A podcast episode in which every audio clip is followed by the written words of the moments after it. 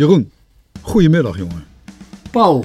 Heb jij nog wel eens verkeersboetes tegenwoordig? Ik weet dat je daar vroeger een ster in was, in het verzamelen van boetes. Nou, een stuk minder. Ik had uh, gedacht dat ik er nogal wat uit Friesland zou hebben. Maar dan heb ik me op de provinciale wegen ook wel aan de 80 gehouden meestal. En uitgerekend ben ik één keer in Utrecht, moet ik naar de huisarts. En dan heb je daar de Kardinaal de Jongweg. En daar rijdt iedereen te hard. En daar had ik uitgerekend weer een print. Maar niet met, niet, niet met prijsverhoging, want dat komt nog, geloof ik. Ja, dat komt nog, jongen. Kijk, de regering die heeft eh, geldtekort, hè? Nou, hoe gaan ze dat oplossen? Dat gaan ze oplossen door de boetes enorm te verhogen. Ja. Dus de ereschuld van de Groningers, de compensatie voor de opvangouders en de extra kosten voor toegenomen asielzoekers aanvragen, die worden opgelost met extra boetes. Ja, daarom ga ik extra goed oppassen. Dus uh, brandt er een keer een fietslichtje niet, dan kan je zomaar uh, 120 euro kwijt zijn. Ja, nou, over de Nederlandse financiën komen we straks nog te spreken. Uh, eerst dan maar, ook omdat Nederland zo gezegend is met Turken, ook bij Feyenoord, de, het verloop van de verkiezingen al daar. Um, een feest van de democratie? Nee. Oh. Dat denk ik niet. Ja. Turkije is al lang geen democratie meer, toch? Die democratie is daar al min of meer afgeschaft. Ja, de mensen mogen nog wel stemmen. Dus je hebt kans als de oppositie wint dat de democratie wordt hersteld. Ja. Maar ja, ik denk dat dat er niet meer in zit. Eus, onze Eus Askiol, in een van zijn AD-columns, vond dat de democratie wel degelijk leeft. Al was hij teleurgesteld in uh, de sterkte van de oppositie. Uh, daar zit denk ik een deel van de, de, de problematiek ook, hè?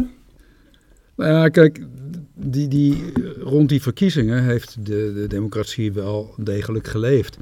Maar vergis je niet, Erdogan heeft bijna alle media in handen.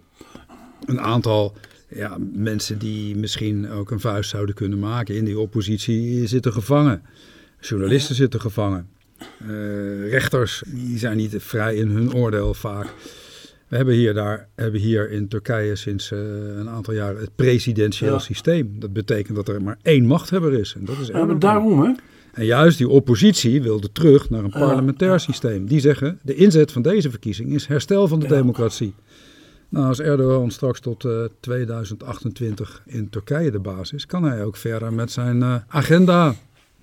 Nou ja, het is, het is een bevestiging van de status quo. In die zin, en jij had het al over de beheersing van de media, de pers, de opgesloten journalisten.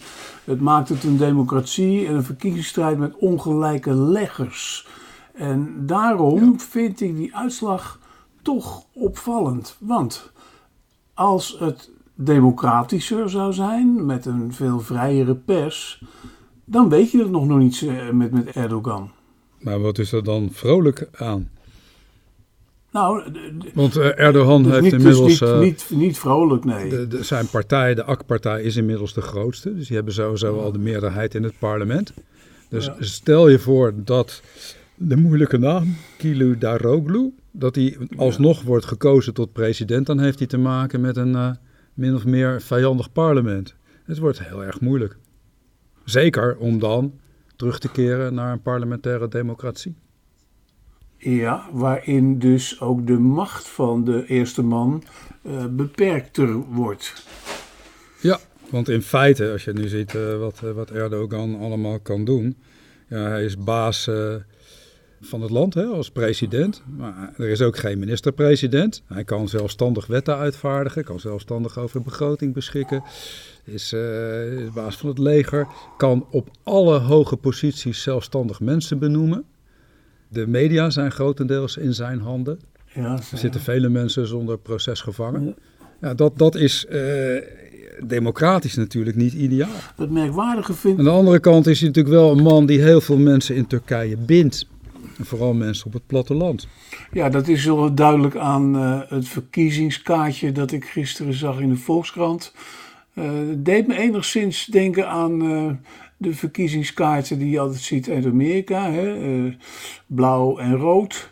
Blauw in dit geval was erg voor de oppositie, inclusief Ankara. De andere kleur was heel erg plattelands.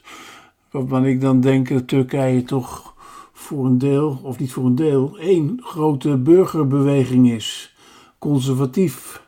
En um, niet erg veranderingsgezind, behalve dan natuurlijk in die grote steden. Ja, dat is ook waar Erdogan verkiezingen mee heeft gevoerd. Hè? Pas op met veranderingen. Hij heeft ook zijn, zijn tegenstander toch een beetje verdacht willen maken wat dat betreft. Verdacht dat uh, hij zou samenwerken met de PKK, wat volgens Erdogan allemaal terroristen zijn. Hè? Toch de representaties van de Koerden. En dat is allemaal ongewenst verklaard in Turkije onder de regeringsmacht. Kili Daroglu is Alevit. Betekent gelijkwaardigheid voor man en vrouw. Man en vrouw kunnen in dezelfde ruimte bidden bijvoorbeeld. Ja, dat is voor sommige mensen in de vooral uh, conservatieve achterban van Erdogan ook een schrikbeeld. Nou, maar vooral zegt hij, je weet wat je hebt. Ik heb toch altijd goed voor jullie gezorgd. Kijk eens hoe ik het nu weer doe rondom die aardbeving. Ik heb uh, vooruitgang gebracht in Turkije, wat ook onmiskenbaar natuurlijk wel zo is. En als je nu voor verandering kiest, ja, dan kies je voor grote onzekerheid, voor grote instabiliteit. En daar gaat ons trotse, ons trotse land. Ja, hij is in ieder geval niet afgerekend op die uh, aardbevingen. Althans, dat heb ik niet nee. uh, zo nee. nadrukkelijk gelezen. Nee, ook in dat gebied heeft hij het goed gedaan. Ja. Nou ja, tweede ronde binnenkort. Um, het lijkt me al gespeeld, maar wie weet. Um, even Paul over een land wat verder. Orbán, Hongarije, die is weer met een voor jou heel opvallende toespraak gekomen. Vertel. Ja, dat was weer eens een, eh, een bijeenkomst van het conservatieve SIPAC voor de tweede keer in Budapest. En daar heeft Orbán nogal uh, flink uh, uitgehaald. Ja. Met name tegen het liberale Westen. Mm Hij uh, werpt zich daarop als een echte conservatief. Maar hij doet toch wel zeer opvallende uitspraken in zijn reden. Noem eens een paar. Hij haalt nogal fel uit naar de liberale democratie. Hij vindt Hongarije een broedplaats voor het, voor het conservatisme, voor het behoud van de nazistaat. En hij zegt de nazistaat is de enige garantie voor vrijheid. En de nazistaat wordt dan volgens hem door drie dingen bedreigd. Door uh, immigratie, door de woke-gedachte, de LHBTI-gedachte en het uh, verlaten van, van het christendom. Nou, hij noemt dat er meer kinderen moeten worden geboren. Hij uh, heeft het erover dat hij dankbaar is aan George Soros, die een plan voor omvolking zou hebben neergelegd. En daardoor is Orbán, doordat hij dat bij tijds heeft gezien, door zijn eigen land op handen gedragen, omdat hij hier een einde aan kan maken. Dus hij schermt hier met, met nare complottheorieën. Naar Amerika zegt hij, ik hoop toch, president, en dan spreekt hij Trump aan, dat u wordt herkozen en dat u Amerika en de wereld weer groot zult maken. Maar vooral dat gedeelte waar hij het heeft over George Soros en de internationale elite die de wereld wil, uh, wil overnemen, daar, daar heb ik toch wel heel veel moeite mee. En het is toch een man met macht in Europa. Hij houdt op dit moment een extra budget van de EU voor Oekraïne tegen. Hij houdt uh, het lidmaatschap tegen van Zweden in de NAVO. En dat is niet goed. Bovendien krijgt hij steeds meer mensen aan zijn zij. Hè? is dat in heel Hongarije zo? Vraag ik me af. Nou, hij regeert met een absolute meerderheid. En hoe langer deze autocraten aan de macht blijven, hoe meer macht ze naar zich toe trekken, hoe meer invloed ze krijgen. De pers is al van hem. Nou, het rechtssysteem is al uh, heel erg ondermijnd. Hij maakt anti-LHBTQI-plus eh, wetten. Hij uh, gaat tekeer in Europa. Afgelopen ehm, vrijdag hield hij ook een lezing ergens in de provincie. En daar vergeleek hij het beleid van de Europese Unie met dat van Hitler. Zo heeft Hitler toch zijn zin. als Europa één grote staat wordt, één grote natie, dan heeft Hitler zijn zin gekregen. Ja, dat zijn toch uitspraken, daar word je niet vrolijk van. Hij zegt in de toespraak ook dat hij inmiddels een aantal landen aan zijn zijde heeft. Hè? Hongarije noemt hij, uh, Israël noemt hij. Hongarije, dat is, dat, is, dat is zijn eigen land. Uh, Polen noemt hij, ja, Polen. Hij noemt Israël, hij zegt uh, Spanje komt eraan. Italië hebben we in, in onze zak. Oostenrijk komt eraan. Niet prettig dit. Niet prettig en ook vraag me ook af de mate van geloofwaardigheid. Want, uh, ja, het is de baas van Hongarije. Het is de baas van een, van een groot land in, in, Europa. Het is een man die zijn invloed doet gelden. Internationaal, binnen de Europese Unie. Door dingen te blokkeren, dingen te eisen. Dat is niet goed. En het is besmettelijk, blijkt. Hè? Het is, het is een, hij draagt een Europa boodschap uit. Toch ook... Die boodschap draagt hij in alle openheid uit. Die je verhult op allerlei sociale media ziet. Kijk, wij maakten ons druk om uitspraken op uh, ongehoord Nederland. En hij doet dat in die open. Mhm. Op, op een grote conferentie. En daar krijgt hij alle publiciteit voor. En dan wordt hij in eigen land, maar ook in heel veel andere landen, voor gewaardeerd. Het is, zijn, dat is wel zijn parochie, Paul. Het is zijn parochie. Die is groot. Zeker. Die is groot. Uh, ja, maar Jeroen, als je dat 15 jaar geleden had gedaan of had gehoord, dan was je toch rot geschrokken. Nu wordt het al bijna salonveeg.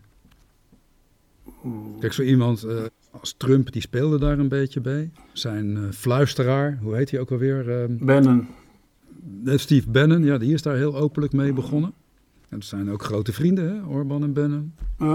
Dat is niet goed. Wat hij ook steeds doet, is daar de katholieke kerk heel sterk bij betrekken. Ja, ja. ja. En dat doet Bannon ook.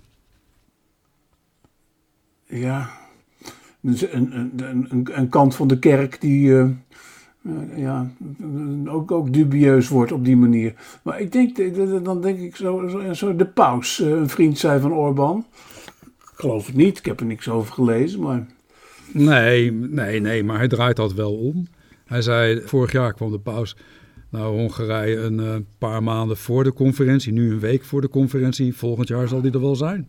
Maar ik heb er hier even bijgepakt, die reden. Een stukje over Soros. Dat zegt hij gewoon tegen een groot publiek. Als George Soros Hongarije niet had aangevallen. Als hij, nee, alleen al dat al, had aangevallen. Als hij niet zijn programma had aangekondigd om miljoenen illegale immigranten in Europa te hervestigen. Met de hulp van zijn huurlingen-NGO's zouden we nooit de voorpagina's van de wereld hebben gehaald. Maar oom Georgie kondigde zijn her vestigingsprogramma aan. Hij mobiliseerde zijn NGO-legers en begon zijn grootste plannen uit te voeren. Ja, Jeroen, dit is, dit is heel naar. Dit is haatzaaien. Dit is. Uh... Tuurlijk, maar het is toch pure retoriek? Het is toch pure uh, falsifieerbare retoriek? Ja. Waar ze, waar ze in Brussel inmiddels uh, toch ook wel meer dan hun wenkbrauwen optrekken en niet alle steun aan Hongarije geven, hebben gegeven, meende ik pas alleen nog te, gelezen te hebben, die Orbán wil. Dus ze zijn wel degelijk op hun hoede. En hoe harder Orbán schreeuwt, hoe meer Brussel gewaarschuwd is, lijkt mij toch aan de andere kant. Ik bedoel, dus hoe zal die besmettelijke golf uh, tot in Brussel reiken? Uh, ja, wordt via sociale media natuurlijk gewoon verspreid. Dat is natuurlijk het gif, hè? En we hebben toch de afgelopen maanden ook de waarschuwingen gehad hier in Nederland. Van mensen die steeds meer in dit soort complottheorieën gaan geloven. Mensen die externe vijanden zien. Mensen die niet meer geloven in de vrije samenleving. Die niet meer geloven in de, onze, in de kracht van onze democratie die het vertrouwen in onze regering zijn kwijtgeraakt. Die geloven dat onze regering en ministers worden aangestuurd. Hebben we al niet vaker ook vastgesteld dat dat zo is en dat het gevaarlijk is, maar dat het ook een minderheid is waar de AIVD uh, bovenop zit? ja, het blijft altijd er iemand die zegt van... Ja, weet je wel, het is een zootje idioten. Precies. Die, die roepen maar wat. En, uh, maar ze krijgen aanhang. Het gif van een slang is maar een heel klein beetje gif. Zo'n beest bijt en heel langzaam ga je eraan dood. En, en, de democratie is mijns inziens, dat heb ik al vaker, vaker gezegd, best wel in gevaar. En we hadden straks even dat, dat, die begrotingsbeleid. Nou ja, we leven op het ogenblik op de pof. We hebben een oorlog in uh, Europa. We hebben een, een uiterst versnipperde politieke samenleving op dit moment. We hebben veel kritiek op het parlement veel kritiek op de regering. We lopen van crisis naar crisis. En als je dan ook dit soort uh, mannen en ja, vrouwen ook. Hè? Meloni, eh, kijk eens wat ze in Spanje roepen. Een aantal mensen in Griekenland die dit soort roepen. Mevrouw Le Pen had bijna gewonnen. In Frankrijk. Bijna. Ja, maar ook uh, aan, de, aan de uiterst linkse kant is men nogal populistisch. Ja, en bijna Jeroen, maar bijna kan als er een economische crisis uitbreekt zomaar opeens heel worden. Hè? Uh, kan, maar ik geloof nog steeds in uh, de, de, de, goede kant van de West-Europese democratie. De waakzaamheid van de pers is hier veel groter. Het feit dat wij deze podcast kunnen opnemen is belangrijk. Jazeker, maar juist Jeroen, de pers heeft over Orbán niets bericht. Ik heb het niet gelezen in Nederland tenminste. Het zal ergens wel misschien klein in een of andere krant, ik lees niet alle kranten, hebben gestaan. Ja, de, het journaal uh, opent uh, deze week twee keer met zeer groot uitpakken over Feyenoord. En, en, en over uh, mevrouwen die hun geld verdienen als influencers, uitgebreid in het journaal. We krijgen heel veel van dit soort zaken niet echt meer mee. Wordt niet meer gezien als iets wat ons bedreigt. Nou ja, het is goed om het te signaleren, maar ze zijn bij die journaalredacties toch ook niet dom. Echt niet hoor. Uh, de NRC in Volkskrant heeft Orbán ook niet. Zijn dus ook niet dom. Uh, dat... Als je dit niet signaleert, als je dit niet aangeeft dat dit soort zaken uh, er gebeuren om ons heen, dat je niet vraagt aan verantwoordelijke politici of er geen tegenmaatregelen moeten worden genomen, of zo'n man nog wel volwaardig lid kan zijn van de Europese Unie, dan ben je dom. Nee, natuurlijk niet. Of dan doe je iets goeds. Ik denk juist signalering en de, consequenties schetsen van dit soort redenen, dat dat wel heel belangrijk is. Ja, ja. Ja, alleen kun je je kanttekeningen erbij houden. En, dat doe je dus ook nu heel terecht door het te signaleren. Uh, het is serieus als een bewijs van dat soort denken daar. Uh, dat soort denken dat inderdaad elders doordringt. Dus andermaal extra, extra waakzaam maakt. Ik heb veel van dit soort zaken gelezen in mijn, uh, mijn lange uh, leesgeschiedenis. Maar ik ben van deze reden toch echt wel weer een beetje geschrokken.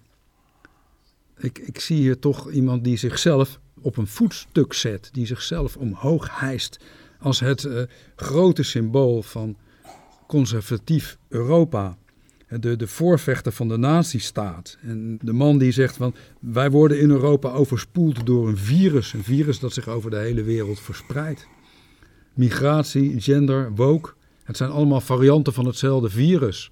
En wij moeten ons er tegen te weerstellen. Het is een soort oorlog. En hij zoekt zijn bondgenoten. En die bondgenoten die ziet hij dan op die conferentie. Maar die noemt hij dan ook bij namen.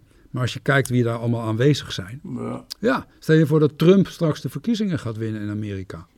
Denk het niet. Ja, dat zeiden we in 2016 ook. Voorlopig vind ik het van Orbán allemaal bruin gebral. Dat is het ook. Uh, helaas, helaas, heeft hij, er, helaas heeft hij er een, een grote aanhang in, in zo'n feestje voor de eigen parochie. Het is gevaarlijk, het is zorgelijk, het is giftig. Uh, het is... Ja, maar Jeroen, hij is niet geïsoleerd in Europa. Wat ik net zei, hij houdt uh, budgetten voor Oekraïne tegen. Hij uh, speelt allerlei uh, ja, dreigingen met, met veto's uit. Hij is tegen het lidmaatschap van Zweden van de NAVO. Hij heeft invloed. En onderschat ook Kaczynski in Polen niet. De PiS-partij, die hebben ook invloed. Zitten in hetzelfde kamp. Delen van de politiek in Tsjechië, Bulgarije, eh, Italië, Spanje en Oostenrijk. En Oostenrijk, waar uh, nu ook weer samengewerkt wordt met die FPO. Ja, bedenkelijk. hele rechtse bedenkelijk. nationalistische partij. Bedenkelijk. Het is niet zo dat het een gek is die wel wat schreeuwt. Het is een gek met macht. Om in jouw woorden te spreken. Ja, een gek, het is helemaal geen gek. Het is een, ja, een gevaarlijke geslepen man. Als je, zoals ik, eh, een, een, een echt geloof hebt in de parlementaire liberale democratie met het oog op mensenrechten en individuele vrijheden, vrije pers, vrije rechtspraak. Trias politicas. In die landen verdwijnt dat ook echt. Dat verdwijnt ook echt in die landen. Zeker, zeker. Zeker, zeker. Het typeert er toch ook weer niet het, het oude Oostblok. Uh, in die zin dat dit uh, doortamboureren is op een gebied, in een gebied wat zogenaamd eerst bevrijd is van allerlei autocratische tendensen en de knoet. En, en, nu zich toch weer in een andere gedaante ook weer net zo voordoet als vroeger? Ja, dat, dat, Polen, Hongarije. Ja, dat is niet helemaal zo. Het is een vorm van autocratie. Maar juist de ideologie van, dat, van die communistische staat, van de USSR, was de vereniging van volkeren. Hè? En, en hier heeft hij het juist over de scheiding van volkeren. Het, het zijn van een natiestaat met een eigen taal, een eigen geloof, een eigen, eigen politiek. Dus hij ziet juist in Europa ziet hij iets als de Sovjet-Unie. Ja. En, maar dat is hem toch onmogelijk uh, te beamen. Want dat is niet zo. Het is, het is dezelfde omgekeerde werkelijkheid van Poetin. Mm over ja, Europa en naties gesproken. Uh, Oekraïne. Hè? Dus kijk nog even in die reden. Ik zal de laatste zin eens lezen die hij zegt. Hè? Hij, hij, wil, hij heeft het echt over, eh, hij moet de, de, de stad bezetten. Hij, moet echt, eh, hij spreekt in een oorlogsretoriek. En dan zegt hij, in de afgelopen jaren hebben we een aantal grote Europese heiligdommen ingenomen. Budapest, Warschau, Rome en Jeruzalem. En de situatie in Wenen is niet hopeloos. Hij heeft het hier over zijn bondgenoten. Nou, dan zitten er nog een aantal uh, presidenten uit de voormalige Sovjet-republieken daar. Er zitten allerlei mensen uit Amerika, uit Italië, uit Spanje. Spanje noemt hij ook als een bondgenoot, waar hij ook van verwacht dat daar ook het conservatieve gedachtegoed zal doordringen. Ja, dan praat je toch over een heel stuk van Europa. En dan praat je ook een heel stuk over, over verdeeldheid. Maar goed, volgende onderwerp. Laat het iets vrolijks zijn. Nou, vrolijk, Oekraïne, uh, het offensief. Uh, de jongste berichtgeving eh, maak ik op dat uh, nu pas de Amerikaanse tanks binnenkomen, maar niet direct kunnen worden ingezet. dat het, het Zelensky te vroeg is, ook om een heleboel levens te sparen. dat is niet vrolijk. aan de andere kant is het misschien een, een, een heel passende voorzichtigheid. Ik, het blijft zo schimmig, hè? ook omdat het onduidelijk is waar ze dan aanvallen op, die, op dat grondgebied van 1200 kilometer, waar de Russen zich vooral hebben ingegraven. Niet meer als aanvallers, maar als verdedigers. Ja, ja precies. Mist. Er is mist. En dat hoort bij deze fase van de strijd. Geef je tactieken niet bloot. Laat niet zien eh, wat je van plan bent. Uh, was laatst iets uitgelekt. Waarin uh, zou staan waar en wanneer en hoe ze zouden aanvallen en dergelijke. Via de Verenigde Staten. Ja, en nu moet hij natuurlijk zoveel mogelijk uh, duister zijn in zijn plannen. En wat jij zegt is natuurlijk waar. Hè? Als je van verdediging naar aanval gaat, dan ben je kwetsbaar. Veel kwetsbaarder. En juist dan is die misleiding van je tegenstander uiterst belangrijk je leest hoe dan, dan ook hoe uh, ze in Oekraïne elkaar tegenspreken, maar dat dat juist ook weer onderdeel kan zijn van het hele schimmenspel. Dan laat je je minister van Defensie iets zeggen en dan zelf ontken je het. En je laat een ambassadeur iets roepen en dan ontken je dat weer of dan zeg je iets heel anders. En je zegt, nou, we zijn er nog lang niet klaar voor en de volgende dag val je aan. Kijk, het is natuurlijk wel zo dat hoe langer ze wachten, hoe meer kans Rusland heeft om zich te herpakken. En het schijnt, dat, dat, te berichten, er is een Institute of War in Engeland die regelmatig rapporten uitgeeft, dat Rusland kan beschikken over maar liefst 400.000 soldaten. dat is heel veel. En Rusland is ook bezig natuurlijk om te proberen al die aanvoerlijnen richting het front in Oekraïne te verwoesten. En we horen alleen maar terug dat uh, Zelensky uh, en zijn, zijn mannen alles uit de lucht schieten. Maar dat, dat is geloof ik toch niet helemaal waar. Iemand die ik uh, ken uit Oekraïne, die uh, kent ook weer heel veel andere mensen, uh, onder andere in West-Oekraïne. En er was recent sprake van dat daar een groot munitiedepot was geraakt. Nou, er waren, dat is uit allerlei bronnen toch wel bevestigd, grote rookwolken te zien.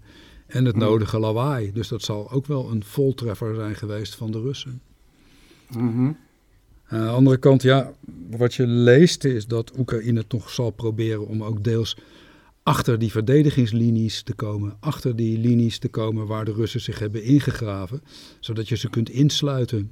Dan zullen ze er of dwars doorheen moeten, wringen, vechten, eh, of eh, parachutes inzetten. Dat, dat vind ik nog steeds zo'n heel merkwaardig onderdeel. Eh, het, Of eh, hulp krijgen van, eh, van partisanen die al achter de linies aanwezig zijn. ja. Ja, het wordt spannend, maar ik verwacht niet dat het al te lang nog zal duren.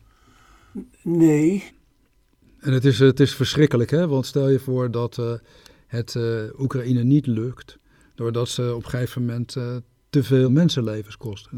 Het is een afschuwelijke gedachte. daarom is Zelensky ook zo voorzichtig. Ja, terecht, terecht. En ik vraag, en ik vraag ik mij af, als je die 400.000 noemt, dat is een kwantitatief enorm aantal, eh, of eh, wat al eerder gebleken is, namelijk een eh, dubieuze of afbrokkelende moreel in, onder die troepen, of dat bij die 400.000 wel op het gewenste pijl is. Nee, maar het zijn je er dus- wel heel veel, Jeroen. Ja, Dat is de ellende. Het zijn er heel veel. 400.000. Dat zijn er heel veel. Het is ook een heel groot gebied inmiddels. Ja. ja, het moet blijken. We hebben eerder, eerder gedacht dat Rusland er zo doorheen zou lopen. Ik had wel gedacht dat Rusland iets eh, meer zou escaleren. Nou, dat, dat daar bleken ze de wapens niet voor te hebben. Dat is gewoon een heel zwak leger.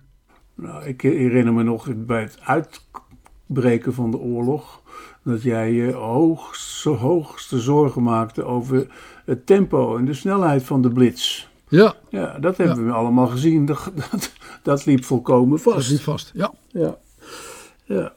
En hoe langer dat duurt, loopt er ook iets vast in die, in die Russische hoofden. Ik ben ervan overtuigd.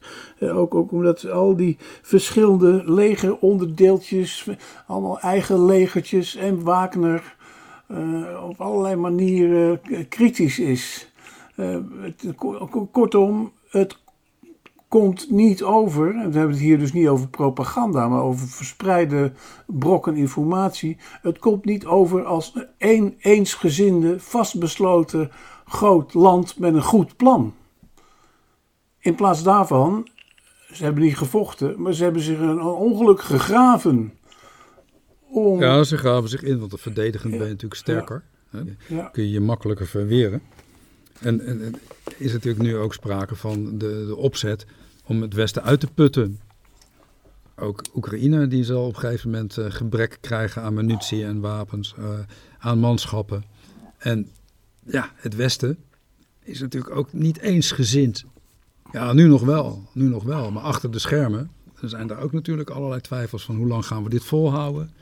Hoe ver gaan we? Vandaag eh, werd er gesproken over het leveren van vliegtuigen. En ook daar werd toch wel heel voorzichtig gezegd: ja, we weten niet of we zo ver zijn.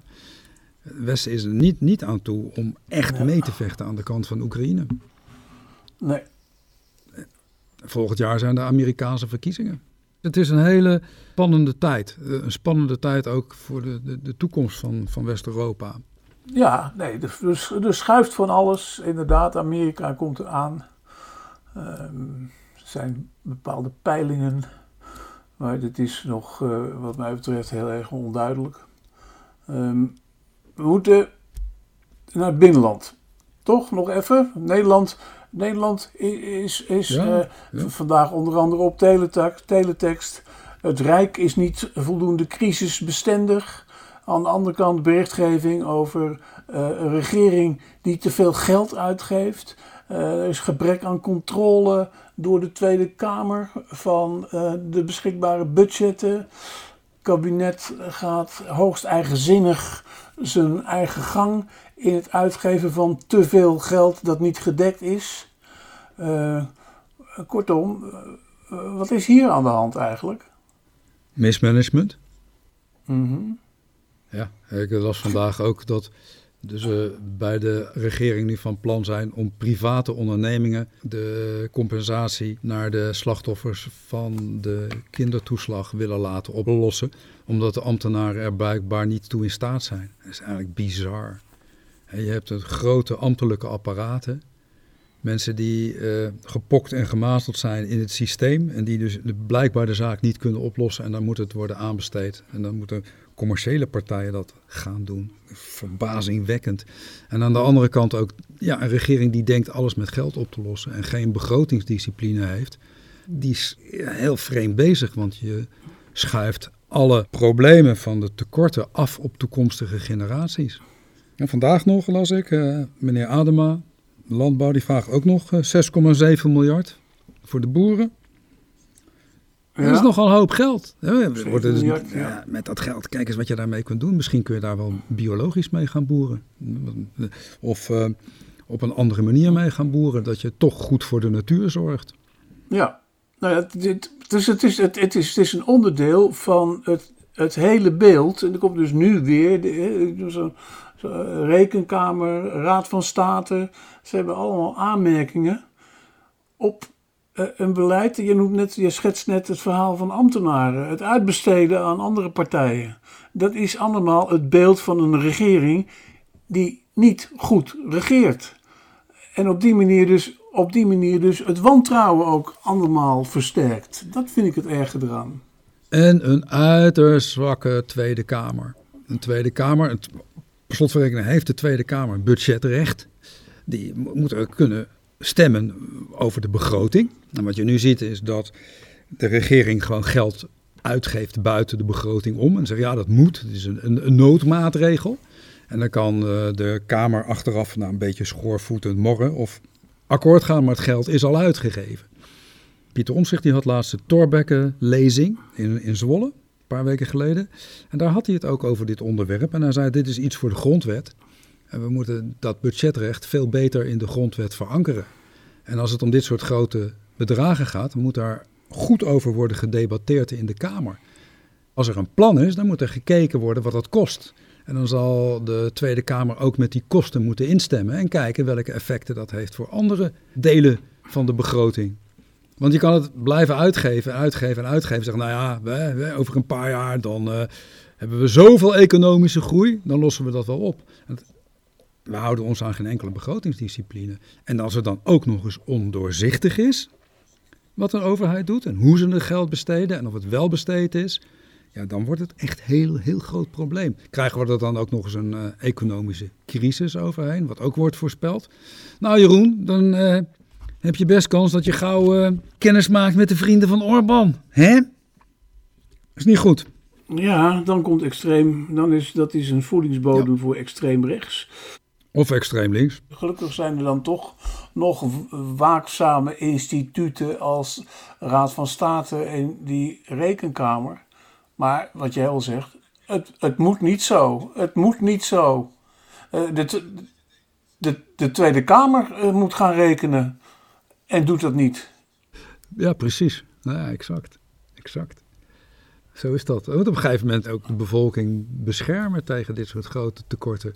Aan de andere kant moet je op een gegeven moment ook durven zeggen tegen je bevolking, daar waar uh, de economische groei geremd is, daar waar we zitten met hoge inflatie, met grote maatschappelijke problemen die moeten worden opgelost en veel geld kosten.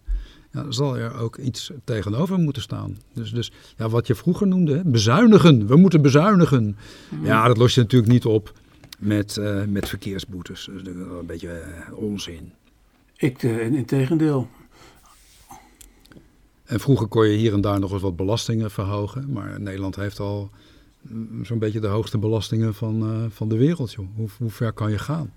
Je kan niet eindeloos doorgaan met verhogen van de accijnzen, met verhogen van allerlei vormen van belastingen met BTW. Kortom, en dat zie je nu ook, hè, als mensen eh, minder gas gaan verbruiken, dan hebben ze problemen met de accijnzen. Dus wat doe je dan? Ja, dan moet je de accijnzen verhogen. Dus al die dingen die ze belasten, omdat het slecht zou zijn, ja, dat keert zich uiteindelijk ook tegen de regering. Als ja. mensen het minder gaan doen, dan moet het uh, weer omhoog. Of uiteindelijk zal het geld toch ergens vandaan moeten worden gehaald. Ja, we leven boven onze stand. Nou, ik zelf niet hoor. En een heleboel andere Nee, burgers ook ook niet. Een heleboel, een heleboel andere burgers hebben het geld niet om boven hun stand te, te, te leven. Eh, Nee. En met de oplopende rente zijn mensen die hebben geleend, die komen nu ook voor onaangename verrassingen te staan. En de verwachting is dat die rente nog zal oplopen verder. Dat betekent ook voor de overheid dat de staatsschuld gaat oplopen. Hè? De, de rente over staatsschuld, dat eh, komt allemaal bij een begrotingstekort als je het niet aflost. Dus het, de tijd van gratis geld is echt voorbij. Eén vooruitzicht is, eh, wat mij betreft, ook door deze eh, nieuwe inzichten van Raad van State en de eh, Algemene Rekenkamer. De boete voor deze regering van de kiezer zal groot zijn. Ja.